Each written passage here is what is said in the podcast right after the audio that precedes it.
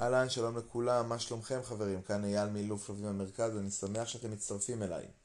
היום אני אשדר לכם את הפודקאסט הראשון שלי, אה, וקודם כל אני רוצה להתחיל בלמה אני מכין פודקאסט. אז דבר ראשון, אני אישית מכור לפודקאסטים, ממש ממש אוהב, מטורף על פודקאסטים.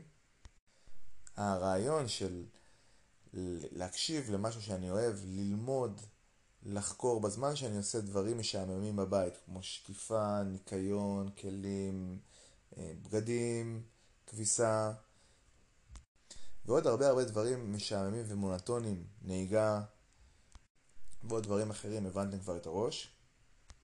ותוך כדי זה אני לומד, אני נהנה, ואני מרחיב את האופקים שלי, ויכול ממש ללמוד דברים שיקדמו אותי בחיים, שיעזרו לי או סתם להעביר את הזמן בכיף.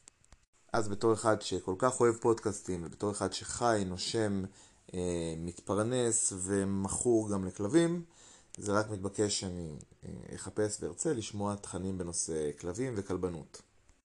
אממה, לא ממש הצלחתי למצוא תוכן איכותי, בעיניי לפחות, אה, בכל אפליקציות הפודקאסטים למיניהם, בנושא אילוף כלבים, התנהגות כלבים, כלבנות וכולי. פשוט לא מצאתי משהו שגם נתן לי ערך, לא מצאתי הרבה דברים מעבר לסתם רעיונות עם אה, אנשי מקצוע כאלה ואחרים, אה, ודברים שהם נראו לי די שטחיים ולא ממש דברים שיכולים להשאיר את הידע, או דברים שייתנו לאנשים, לציבור, כלים פרקטיים בהתנהלות עם הכלב שלהם. אז אחת המטרות העיקריות היא באמת להוציא תוכן אה, שייתן לאנשים ערך וגם תוכן שאנשים יענו לשמוע אותו, אנשים שאוהבים כלבים, וללמוד ממנו. אז נושא השידור היום יעסוק במשהו אה, שבעיניי הוא אחד הדברים החשובים בתור איש מקצוע, ודווקא בעיני הלקוחות שלי, לפחות בהתחלה, לפחות עד שאני מסביר להם את מה שאני תכף אסביר לכם, הנושא הוא פחות חשוב. ואני אסביר את זה באמצעות דוגמה לשיחת טלפון אה, סטנדרטית שאני בדרך כלל מקבל. גלינג גלינג.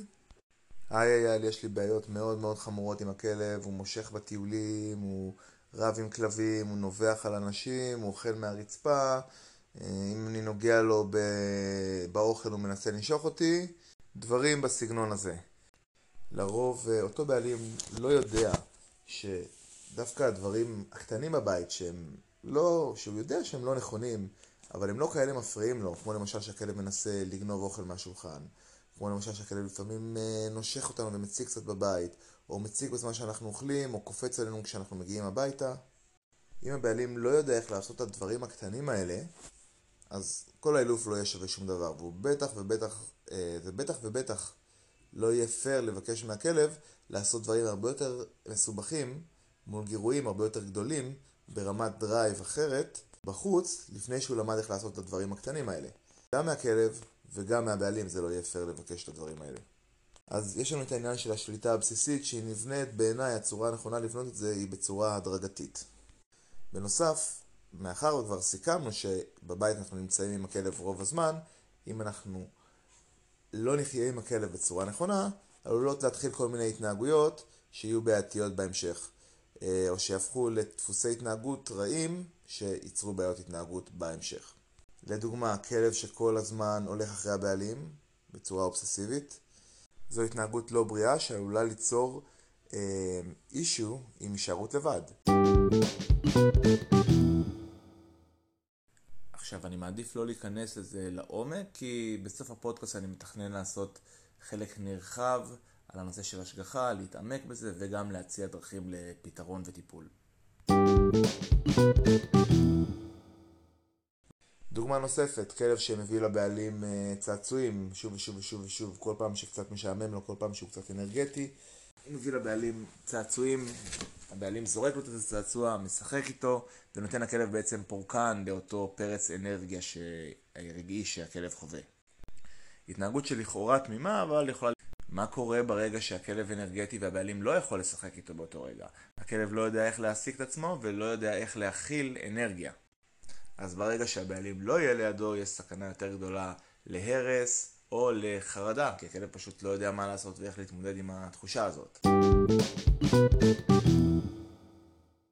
אז מה שאני מקווה באמת להוציא מהפודקאסט הזה זה כמה כלים פרקטיים להתנהלות בבית, ומה שיותר חשוב לי מהכלים עצמם, זה שממש תבינו את, ה, את ההיגיון ותבינו קצת יותר טוב איך כלב חושב מהפודקאסט הזה. אז אה, נתחיל בהמשך ישיר לדוגמה הקודמת שנתתי שגם הסבירה את הבעייתיות מאחורי העניין, איך אנחנו מתנהלים עם הכלב עם אה, משחקים בבית, מה אנחנו עושים, מה אנחנו לא עושים, מה מותר ומה אסור. אז דבר ראשון בבית אנחנו רוצים שיהיה התניה של רוגע. אנחנו רוצים שהכלב ילמד בבית איך להכיל אנרגיה, איך להשתעמם. כי אחת התכונות החשובות ביותר לכלב בחיים המודרניים הם היכולת להשתעמם ולהכיל אנרגיה. לא תמיד אנחנו נוכל לפרוק לכלב את כל האנרגיה שיש לו, גם אם הכלב הוא מאוד אנרגטי, במיוחד אם הכלב מאוד אנרגטי. אה, יהיו ימים חמים מאוד, ימים קרים מאוד, ימים שנקום מאוחר לעבודה, או מסיבה כזו או אחרת לא נוכל לפרוק לכלב אנרגיה, והכלב יצטרך ללמוד להכיל את זה. אז זה אחת הסיבות העיקריות לכך שמאוד חשוב שתהיה לנו התניה, התניית ברזל של רוגע בבית.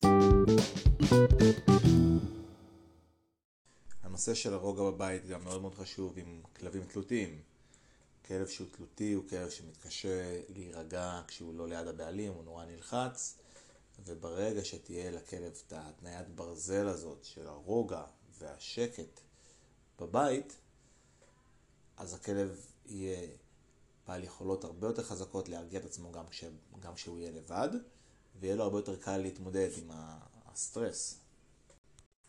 אז נחזור למה שאמרתי מקודם, העניין המאוד חשוב ומשמעותי זה, אחד מהם הוא לא לשחק עם הכלב בצעצועים בבית, אוקיי? זה מאוד מאוד קריטי.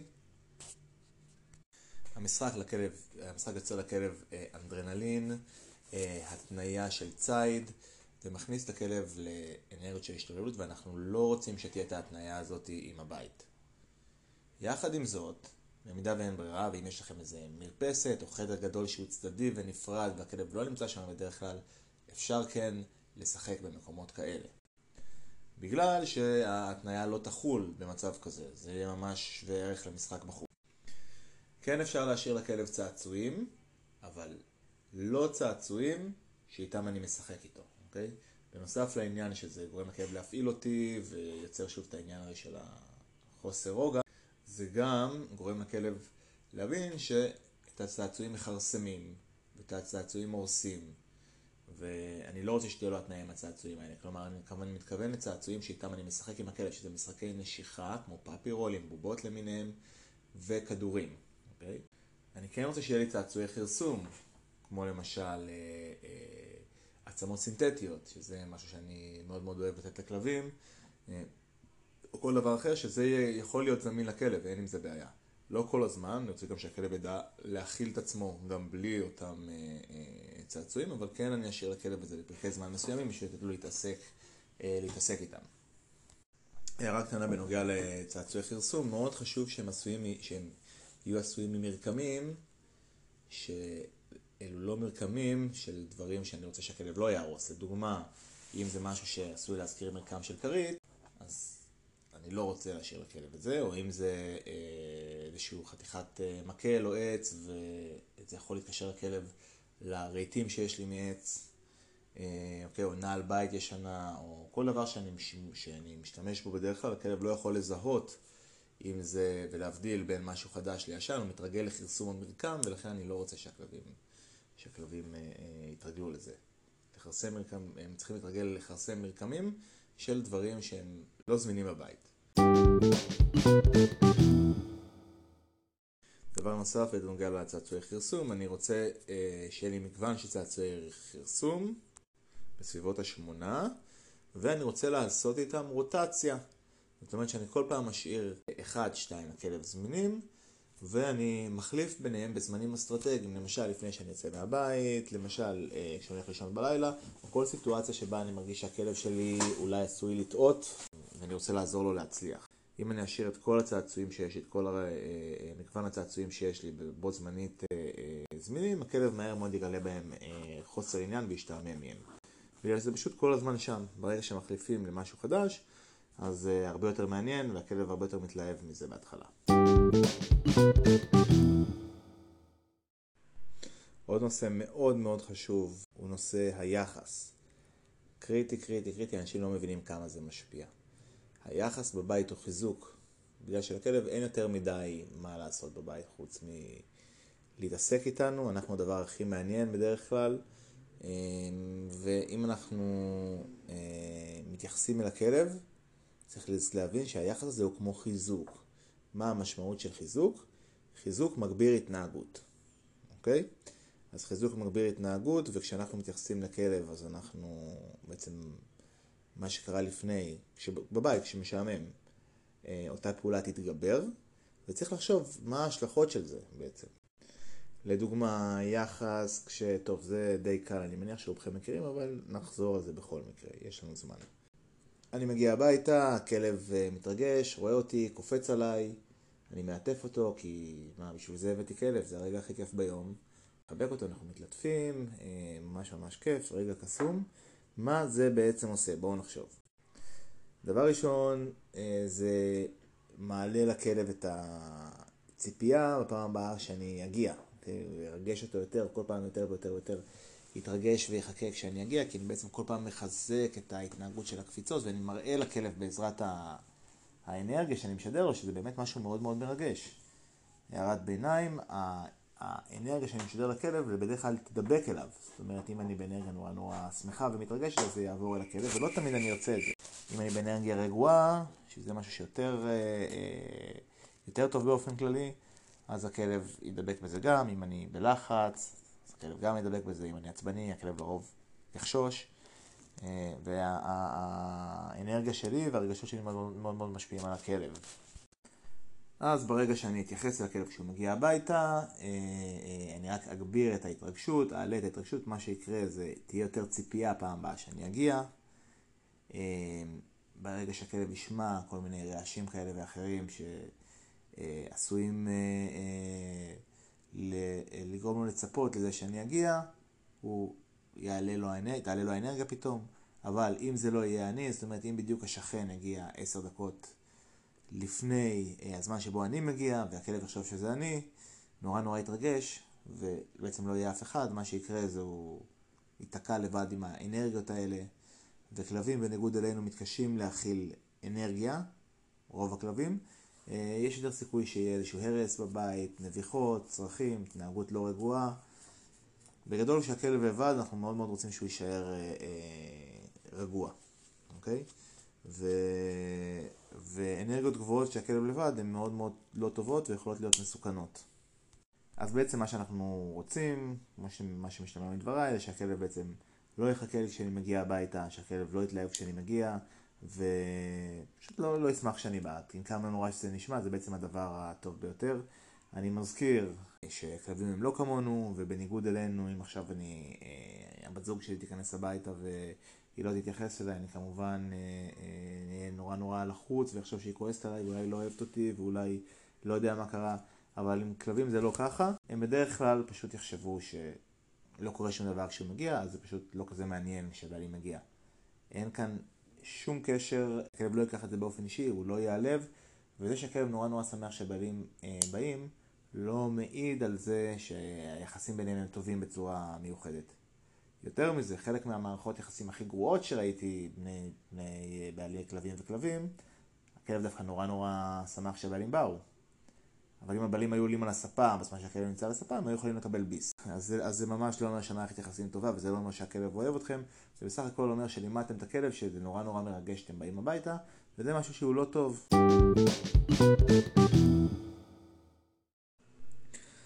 עוד משהו מאוד חשוב בנושא היחס, הוא היחס באופן כללי בבית. כבר דיברנו על זה שאנחנו לא רוצים צעצועים זמינים, אז הכלב לא מפעיל אותנו בכלל לצעצועים. אם בכל זאת חטאתם והשארתם צעצועים זמינים שאיתם אתם משחקים עם הכלב, בשום פנים ואופן אל תיתנו לו להפעיל אתכם לצעצועים.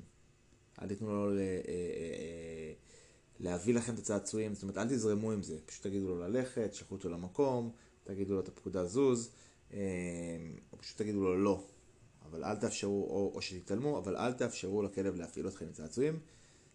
זה גורם להם להיות אקסטרה אנרגטיים, זה גורם להם להיות לא רגועים, זה גורם להם לא להיות מסוגלים להכיל אנרגיה, כי ברגע שהכלב קצת משעמם, ברגע שלכלב אין מה לעשות, אז הוא לוקח את הצעצוע ומתחיל להפעיל את הבעלים. ההפך, אנחנו רוצים שהכלב ילמד אה, להכיל את האנרגיה שלו, ילמד להתמודד עם שעמום, ילמד להיות רגוע, ולכן אנחנו לא רוצים שיהיה הפעלות, ואם כבר חטאתם והחלטתם שאתם כן משחקים הכלב בבית, למרות שאמרתי שלא, אז לפחות שזה יהיה אך ורק ביוזמתכם. הפעלות לאוכל, הפעלות לליטופים, אה, הפעלות לטיול, כל זה לא טוב. אתם צריכים לדעת מתי אתם מאכילים את הכלב שלכם, אתם צריכים לדעת כמה הוא צריך להאכיל, כמה הוא צריך לאכול. אתם צריכים לדעת מתי הוא צריך לצאת לטיול, אתם צריכים לדעת מתי הוא צריך פיפי.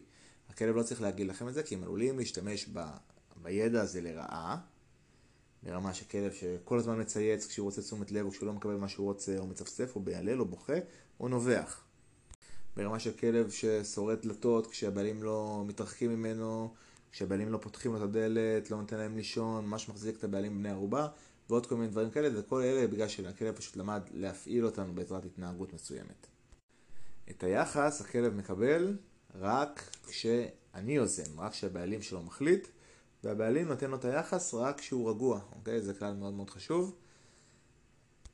הכלב לא יוזם את היחס. לא יוזם את היחס, רק הבעלים. סופר קריטי. ברגע שהכלב יוזם את היחס, נוצרות המון המון התנהגויות שליליות. אה, הכלב יכול להפוך להיות מציק, הכלב יכול להיות, יכול להיות נידי. הכלב מתקשה מאוד להכיל אנרגיה, מה שעשוי להתבטא גם בקושי להישאר לבד, ובעוד כל מיני דברים כאלה ואחרים.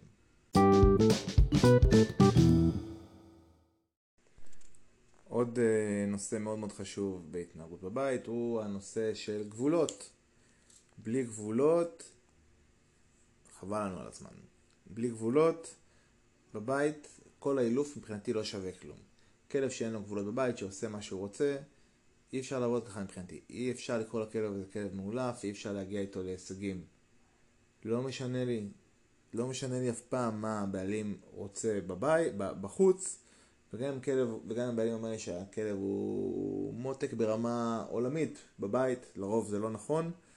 אה, מבחינתי, גם אם הדברים שהוא עושה לא מפריעים לבעלים, אני קודם כל רוצה שיהיה קצת גבולות בבית, קצת משמעת בבית, שהכלב יבין שהוא לא יכול לעשות כל מה שהוא רוצה, שחלק מהדברים פשוט יעצור את עצמו, הוא יבין שאסור לי לעשות את זה, זה קונספט מאוד מאוד חשוב, ולכן אנחנו רוצים שיהיה כמה גבולות בבית. איזה גבולות אני בדרך כלל ממליץ שיהיה בבית? א', מה שבא לכם, אוקיי? Okay? אבל אני אתן פה כמה רעיונות לגבולות בבית שהם מאוד מאוד חשובים. דבר ראשון, אה, אני ממליץ לא לישון עם, אחרי, עם הכלב באותה מיטה, ואפילו שהכלב יישן בחדר נפרד מהבעלים.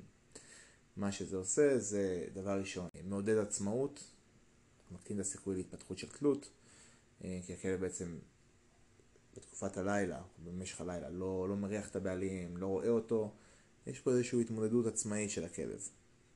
אמנם זה לא איזשהו Game Changer לכלב שהוא תלותי, אבל זה בהחלט יכול להיות משהו שיכול לעזור. ויכול למנוע הרגל מזיק, כי כלב שישן עם הבעלים אה, ויש לו איזשהו קושי להישאר לבד או תלות בבעלים, אה, אה, זה בדרך כלל רק מחמיר את זה מניסיוני.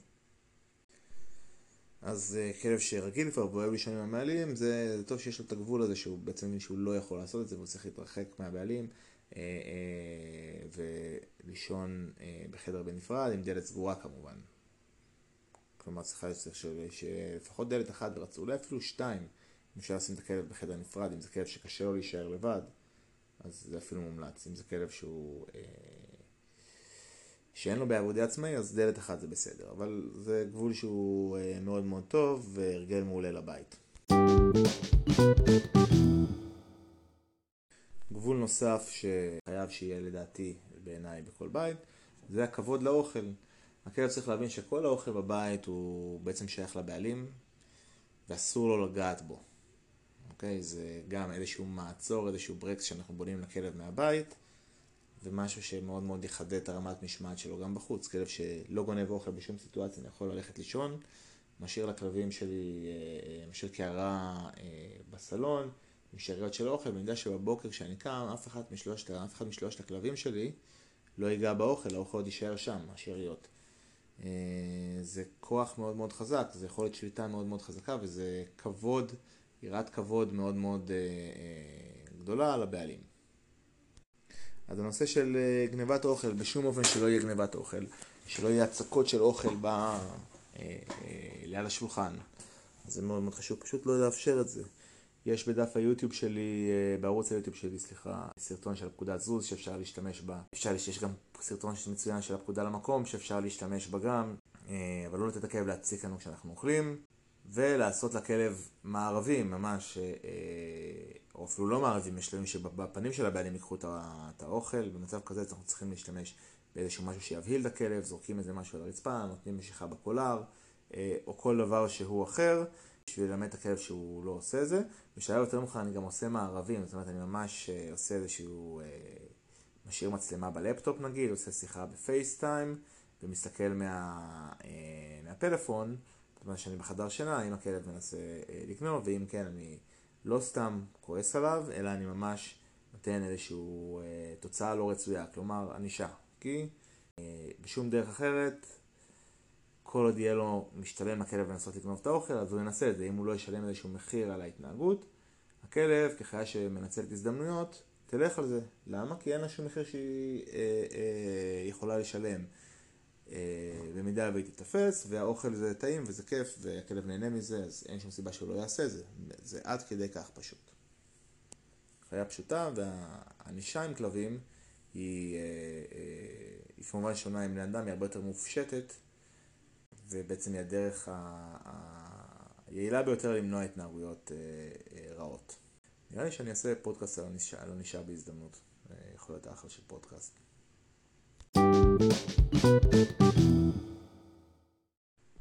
עוד משהו שאפשר לקרוא לו איזשהו, אפשר לקרוא לזה גבול בבית, זה הנושא של משמעת.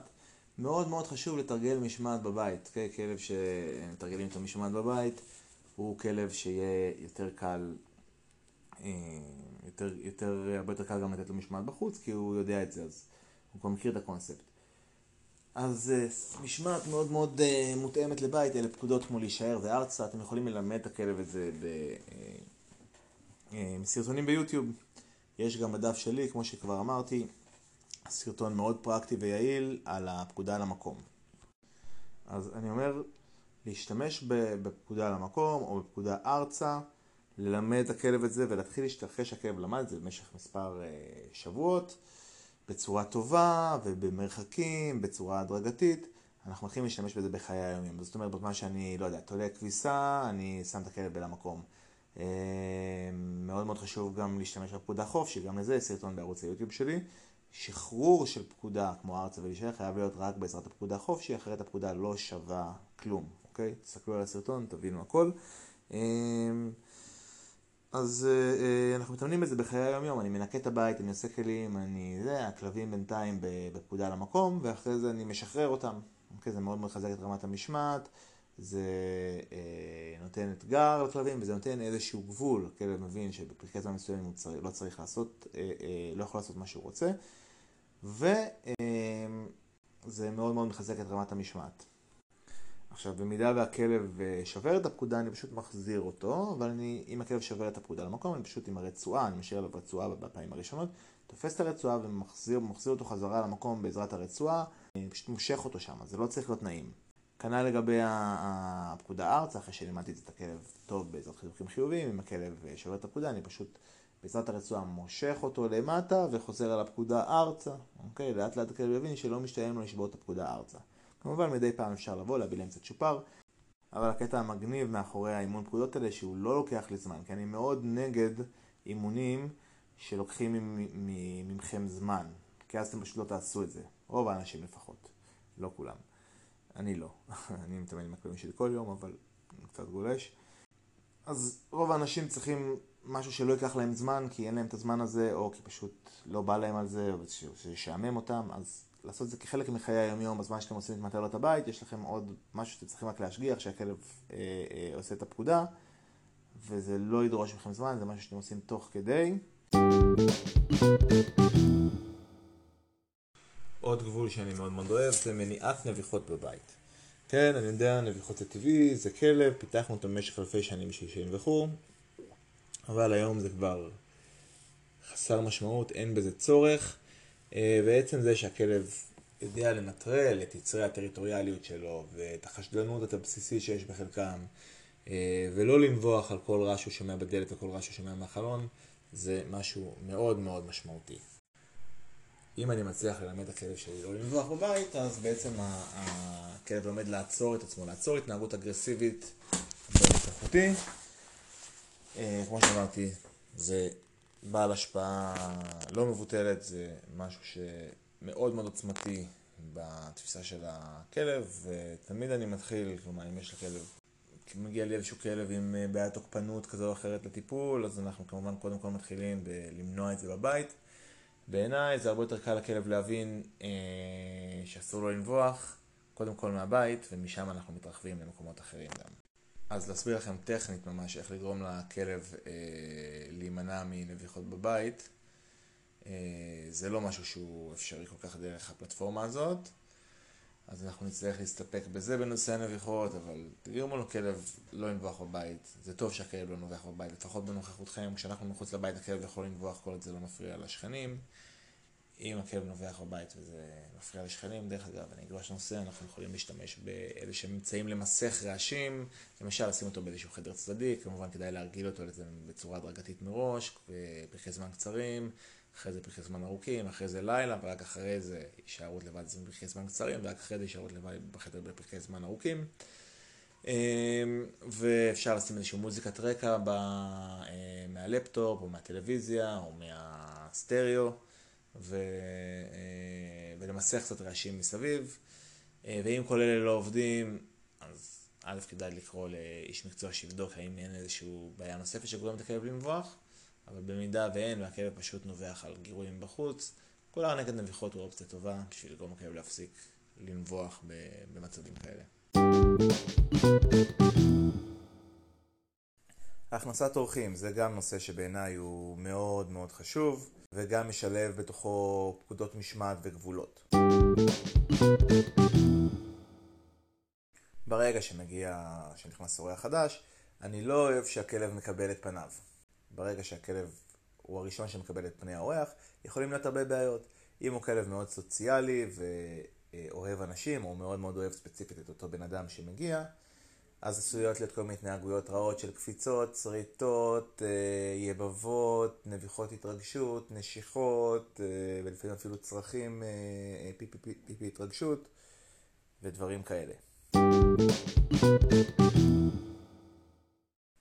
ואם מדובר בכלב חששן, פחדן, או אורח קצת חשוד, או כלב טריטוריאלי, או כל סיבה כזו או אחרת שגורמת לכלב פתאום להגיד וואו, רגע, אני לא כל כך סומך על האורח הזה. זאת אומרת, הכלב, יש דפיקות, הכלב רץ לראות מי, אה, מי זה, ופתאום מגיע איזשהו דמות, איזה שליח של וולט עם קסדה, או כל דבר שמאוד מאוד חשוד, עומד מולו איזה מין ענק כזה מפחיד, ועוד נכנס לו, חודר לו לתוך הבית. זה יכול להיות מאוד מאוד מסוכן. זה גם אה, יכול להסתיים בביס, וזה גם במקרה הרע, ובמקרה הטוב אה, זה מתחיל להיבנות לנו פה איזושהי איבה לאורחים, איזשהו משהו. האורח גם ברוב הפעמים כשהכלב נובח ונלחץ הוא גם מגיב ב, אה, ברתיעה, בנסיגה לאחור, ואז הכלב מקבל חיזוק על ההתנהגות. אוקיי? וזה מאוד מאוד מסוכן. אז הפתרון הוא פשוט, מאוד מאוד פשוט. הכלב לא מקבל את פניו של האורח. בשום, בשום מקרה לא ממליץ את זה. אה, לא ממליץ את זה. אני, כדאי מאוד ללמד את הפקודה למקום, כבר דיברנו על זה, איך, איפה, למה וכמה, ו, אה, ולשים את הכלב בפקודה למקום ברגע שמגיעים אורחים. אם הכלב עוד לא מסוגל להיות אה, בפקודה למקום, כדאי לשים אותו בכלוב אילוף אם יש לו, ואם אין לו כלוב אילוף, אז אפשר אה, להשתמש בקשירה. אבל הכלב לא מקבל את פניו של האורחים. אם אנחנו משתמשים כן בפקודה למקום, על הדרך אנחנו מרוויחים עוד אימון בשליטה מול גירויים. אימון בעבודה מול גירויים אה, בפקודה, שמחזק את המשמעת של הכלב בעצם כל פעם שמגיע אורח. זאת אומרת שבמקום שכל פעם שמגיע אורח אני חווה התנהגויות רעות שמפחיתות לי את המשמעת ויוצרות לי הרגלים רעים ובעיות התנהגות, אני מרוויח כל פעם התקדמות ברמת המשמעת, התקדמות ברמת האיפוק.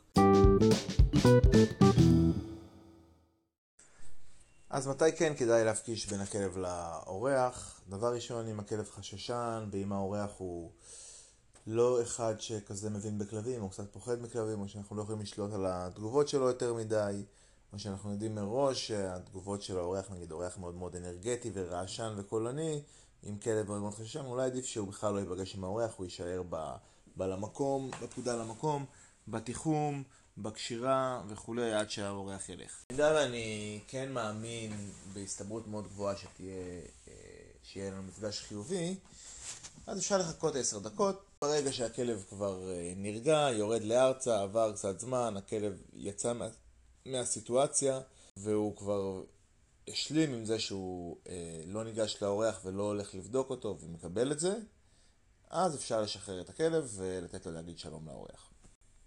גם פה כדאי לא לאפשר התנהגויות רעות ברגע שהכלב קופץ על האורח, עושה משהו רע, אנחנו צריכים לו פיזית להגיד לו לא ולהוריד אותו. אל תסתפקו רק במילה לא.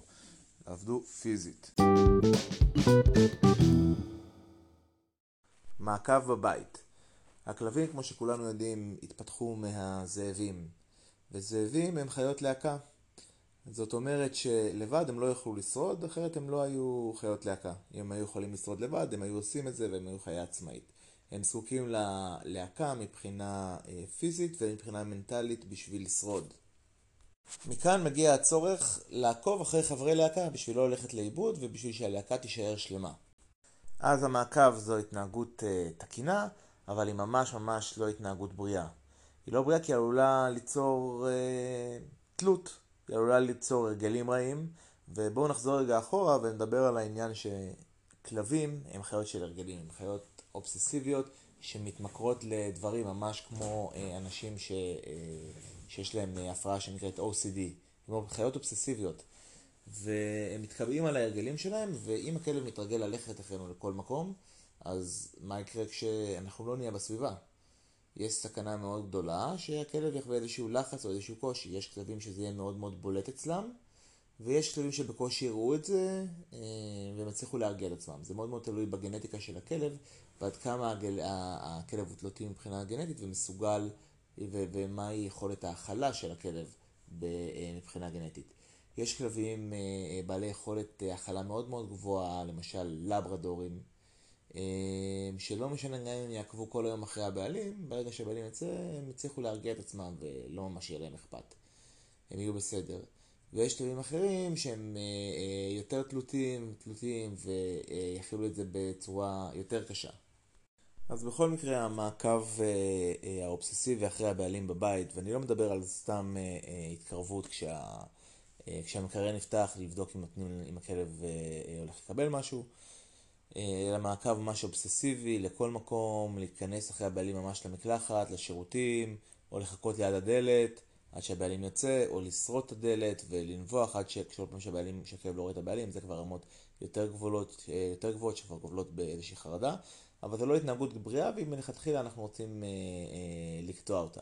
אה, אנחנו רוצים לקטוע אותה בעיקר עם כלבים בוגרים, כן? זה שגור בן שלושה חודשים עוקב אחריכם בכל מקום זה לא כזה נורא, רק צריך להשתמש בתיחום. עוד נדבר על גורים בעתיד, אני אעשה פודקאסט גם על זה, אני מאמין. אז בלי מעקב, התנהגות תקינה אמנם, אבל לא התנהגות בריאה ועלולה ליצור אובססיה לבעלים וקושי ל, אה, להיות לבד, קושי להתמודד עם, אה, בלי מושא השגחה, בלי הבן אדם, בלי הבעלים שאחריו הכלב החליט לעקוב. אז איך אפשר למנוע את המעקב הזה? מה אפשר לעשות? אה, מאוד פשוט. אנחנו גם, נושא היחס שדיברתי עליו מקודם יקטין באופן אוטומטי את המעקב, כי היחס מגיע רק ביוזמתי, וכשהכלב רגוע, כלב רגוע זה אומר כלב בארצה, כלב במקום, כלב אוכל עצם, כלב מתעסק בענייניו. דבר נוסף זה אה, אפשר להשתמש בפקודות שדיברנו עליהן, לשבת אה, ארצה, להישאר, למקום, זוז, כל הפקודות האלה אפשר להשתמש בהן כשאנחנו מתחילים מעקב. לדוגמה, אה, עכשיו הכלבה שלי הולכת אחרי לכל מקום, אז אני יושב רואה טלוויזיה, היא נמצאת לידי, אני הולך להכין כוס קפה, אני אומר לה, ציפי, ארצה. למרות שהיא כבר שוכבת, אני עדיין אומר לה ארצה, אה, כדי שהיא תבין שזה לא אמור, אה, אה, אני לא, לא רוצה שהיא תעקור אחריי עכשיו, זה לא משהו רצוי. אם היא כבר עוקבת אחריי, אני אגיד לה לא, אתפוס אותה בקולר, אחזיר אותה לאותה נקודה, ואגיד לה ארצה עוד הפעם, ואני לא אוותר ויעשה את זה שוב ושוב ושוב ושוב. ואם אי אפשר לעשות את זה והכלב עוקב אחריכם כל הזמן, אז ברגעים שבהם אתם לא יכולים לאכוף את זה, הכלב צריך להיות קשור, או בתיחום. טוב, אז אני חושב שזה יספיק לבינתיים, נראה לי שהבאתי פה מידע מטורף שיכול מאוד מאוד לעזור ואף לשנות חיים של אנשים. תיישמו את המידע הזה, זה באמת מידע ששווה זהב, זה אה, מידע מאוד מאוד מאוד מאוד מאוד אפקטיבי, ליישם, לראות שאתם עושים את הכל, והחיים שלכם עם הכאב ישתפרו כתוצאה מהמידע הזה. אז זה הכל, זה הפודקאסט הראשון שאני גם הולך לעלות לספוטיפיי. אם אהבתם אותו, תעבירו אותו לחברים, תספרו על, ה, אה, על הפודקאסט הזה, תשלחו אותו, תמליצו עליו, אם אפשר לדרג אז תדרגו אותו גם גבוה. אה, ואנחנו נתראה בפודקאסט הבא, מי שרוצה מוזמן לעקוב אחרי גם בפייסבוק, אה, אייל טווין, האילוף כלבים במרכז, לחפש את הדף העסקי, הכל נמצא שם, ועוד הרבה סרטוני הדרכה ודברים גם בערוץ היוטיוב אני נמצא, מוזמנים לעקוב. למי שיש רעיונות לפודקאסטים, מוזמן לשלוח לי בפרטי ואני אשמח לשמוע.